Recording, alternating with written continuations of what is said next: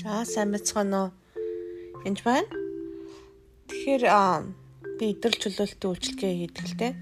Уг нь аль би зүгээр зөвлөг үйлчлэгээ хийдэг. Гэхдээ үнэхээр зөвлөг үйлчлэгээ хийгээд сэтгэл санаатай холбоотой юм ярьж хахад тухайн хүнд үнэхээр одоо бузар сонсч юм уу байгаа дуртаасаа хувирах юм ярих эсвэл одоо тийм өвчнөй байх юм бол ялдчихгүй би мэдээж өвчтөй үнийг залбирч таараа. Аа тэгээд жишээлбэл бузар цус хүнээс гарахтаа усгүй хамгаалт газраар хэрэн гисэж амралтыг авч юу ч хийх үед би ханаас гарлаа тэр гэртээ эргэж очиё гэж байгаа. Тэр тэр гэртээ гэж тухайн оны гэр одоо бие гэр орон болгоцсон байж байгаа гэсэн. Тэгэхээр итгэгч хүмүүсийг бузар сүнсийг хөөх нь бол ер нь зүгээр итгэж биш хүний хувьд бол энэ жаа аюултай учраас бузар сүнсийг зөв хүлдэг байгаа бэртарэ. Тэгээд тухайн хүнийг бас яг Иесусыг хүлээж авч ариун сүнсийг авсны дараа хамгаалалтаа болсны дараа залбирахгүй болж байгаа аюултай зүйл л дээ.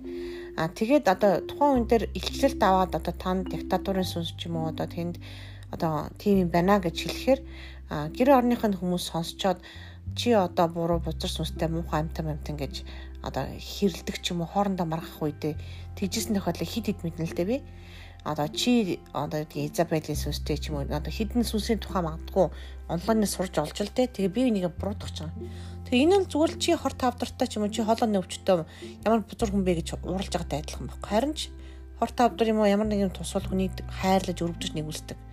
Тэгээ гэр орон чин бохор байх юм бол гэр орон чинь одоо харахгүй сүстэй гэртээ таны бие чинь таны гэр гэж бодъё л да ариун сүсний ухан сүм бидтэй орон ариун сүсний оронд ч юм уу хажууд нь энэ тэндээ тал болцсон байхад гэрээ хараад ямар муухай юм гэдэг юм уу эсвэл хамтдаа нийлээд гэрээ цэвэрлэе гэдэг юм уу тэгээ гэр орны ялангуяа ихтер нөхөр хоёр бол тэгж маргалдаж байгаа нь голцоо дандаа ан цав гарцсан хоорондоо хагарал үүсцэн гэрүүлээ дандаа тэгж маргалддаг. Үнэхээр хайртай хүмүүс болохоор хамтдаа цэвэрлжээ яаж хань туслах вэ хамт залбирая гэж хэлдэг байна. А тэгээд ер нь биднийг буруутгагч байгаа нь буруутгагч нь болохоор бурхан ерөөсөө биш. Бурхан биднийг уучлал цэвэрлэж яадаг үлээ. Үнэхээр шаардлагатай бол зэмлэлтгэлтэй. Гэтэ бидний буруутгахгүй. Буруутгагч нь бидний ах дүүсээ минь өдөржин шүнжин буруутгасан доош харагцаа гэж хэлдэг.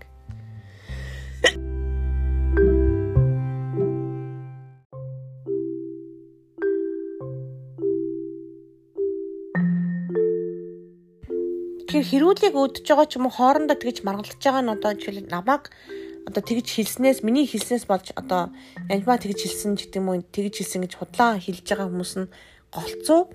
Зарим нь бүр гүжигдсэн тохиолдол хүртэл байдаг.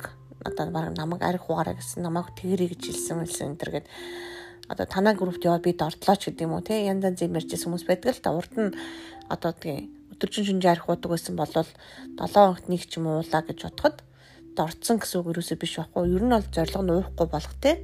А эсвэл нь янз бүрийн асуудлуудаас гин нүглээс эргэх зорилготой байхгүй. Тэгэхээр яг хин юу ярьж гин гэдгээс асууж бодох хэрэгтэй. Тухайн хүний ямар хин ч ярьж иж болно нэгдүгürt нь. Хоёрдугаарт нь буруудагч хэрэлдэж байгаа бол голцоо ан цав хагарал гарцсан гэрүүлүүд хийдэг. Тийм учраас хагарлынхаа учиршилтгааныг олох хэрэгтэй. А голцоо ингээд та одоо миний нөхөр тэгж хэлсэн юм уу ч гэдэг юм те эхнэр чинь тэгсэн гэж хэлсэн юм уу гэд ховж юм байдалтай над руу ярьж байгаа ашгарж байгаа хэд хэдэн хүүхнүүдийг би мэднэ л те тэгээд за тайвшрээ би нэгдүгээрт нь тэгж хэлээгүй хоёрдугаарт нь яагаад энэ хэрүүл яагаад гарсан бэ? гэхээр шал өөр учир шалтгааны улмаас эхэлсэн байдаг. Анхнаасаа одоо санхүүгийн асуудалтай байсан юм уу? Анхнаасаа одоо бие биендээ үл ойлголцол гарсан юм уу харилцаалмаар болохгүй байсан юм уу? Гэрт нь бүр одоо тийм гэрэл бүлийнхэн дотны харилцаа нь алга болцсон байгаа мó? Тус тутаа унддаг болцсон юм уу? Ер нь бол нарийн шалтгаан зөндөө байдаг л да. А тэгэхээр ямар ч байсан хүн тухайн хүнийг одоо танд ямар нэгэн сүнс байна гэж хэлэх юм бол хурдан хөөж залбирсан л тэр. Тэрнээс биш одоо чи сүнстэй муу хүн байна, муухай хүн байна гэж би нэгэд тэгж харахгүй гэж байгаа нь бол буруу зүйл нэгдүгээрх нь. А хоёрдугаарт нь зарим нь бүр бузар сүнс огт байхгүй байх ёсгүй гэж нөгөө жишээ туйлширч болохгүй сүнстэй байлаа гэж тухайн үнийг доош нь хийж болохгүй. Ягаад гэвэл миний мэдхийн одоо залбирсан хүмүүсээс одоо бузар сүнсгүй хүн баг байхгүйсэн бохоггүй. Нэгдүгээрт надаас маш их гарсан. Яг одоо Ивэр бол цоо ирүүл хүнийг гаргаад иргвэл амар ховор үсттэй одоо орчин цагт бол ямар нэгэн өвчтөй аргаа ядгаад л одоо үдгийн эсвэл нэг шүдэн цорхоо ч юм уу эсвэл э, бие махбод нь өвчтөй биш юм уу сэтгэл санаандаа шарахтаа ч гэдэг юм уу тэгээ тэр бие мах сэтгэл санаанд шархаагүй хүн гэж байхгүйтэй адилхан сүнсэнд ч гэсэн одоо тухайн газар нутагт хэрэг байгаа ядуурлын нүс сүнс ноёлцсон газар байгаа бол эсвэл ямар нэгэн сүнс ноёлцсон газар байгаа бол тэр сүнсний одоо гар хөлөөд орох ч юм уу бүр хүүхдээс удмаас нь цуглах ч юм уу тийм юм боломж бол байгаа ялангуяа бид нар одоо гэрээсгэлээр амьдраад удаагүй байгаа. Хүмүүс штэ бид нар чинь тэгэхээр 3 4 үедээ итгэлийн амьдралаар амьдарсан тийм усуд бол юусээ биш. Тэгэхээр чин тэр хараал бол 3 4 үедээ яадаг үлээ нөлөөлдөг гэдээ юусаа мартаж болохгүй. Тийм учраас байнга цэвэрлэж залбирж явах хэрэгтэй? Эзний өмнө үнэхээр дотор байгаа юм өгж залбирах хэрэгтэй. Дотор байгаа юм а зөвхөн гадна талын юм а биш.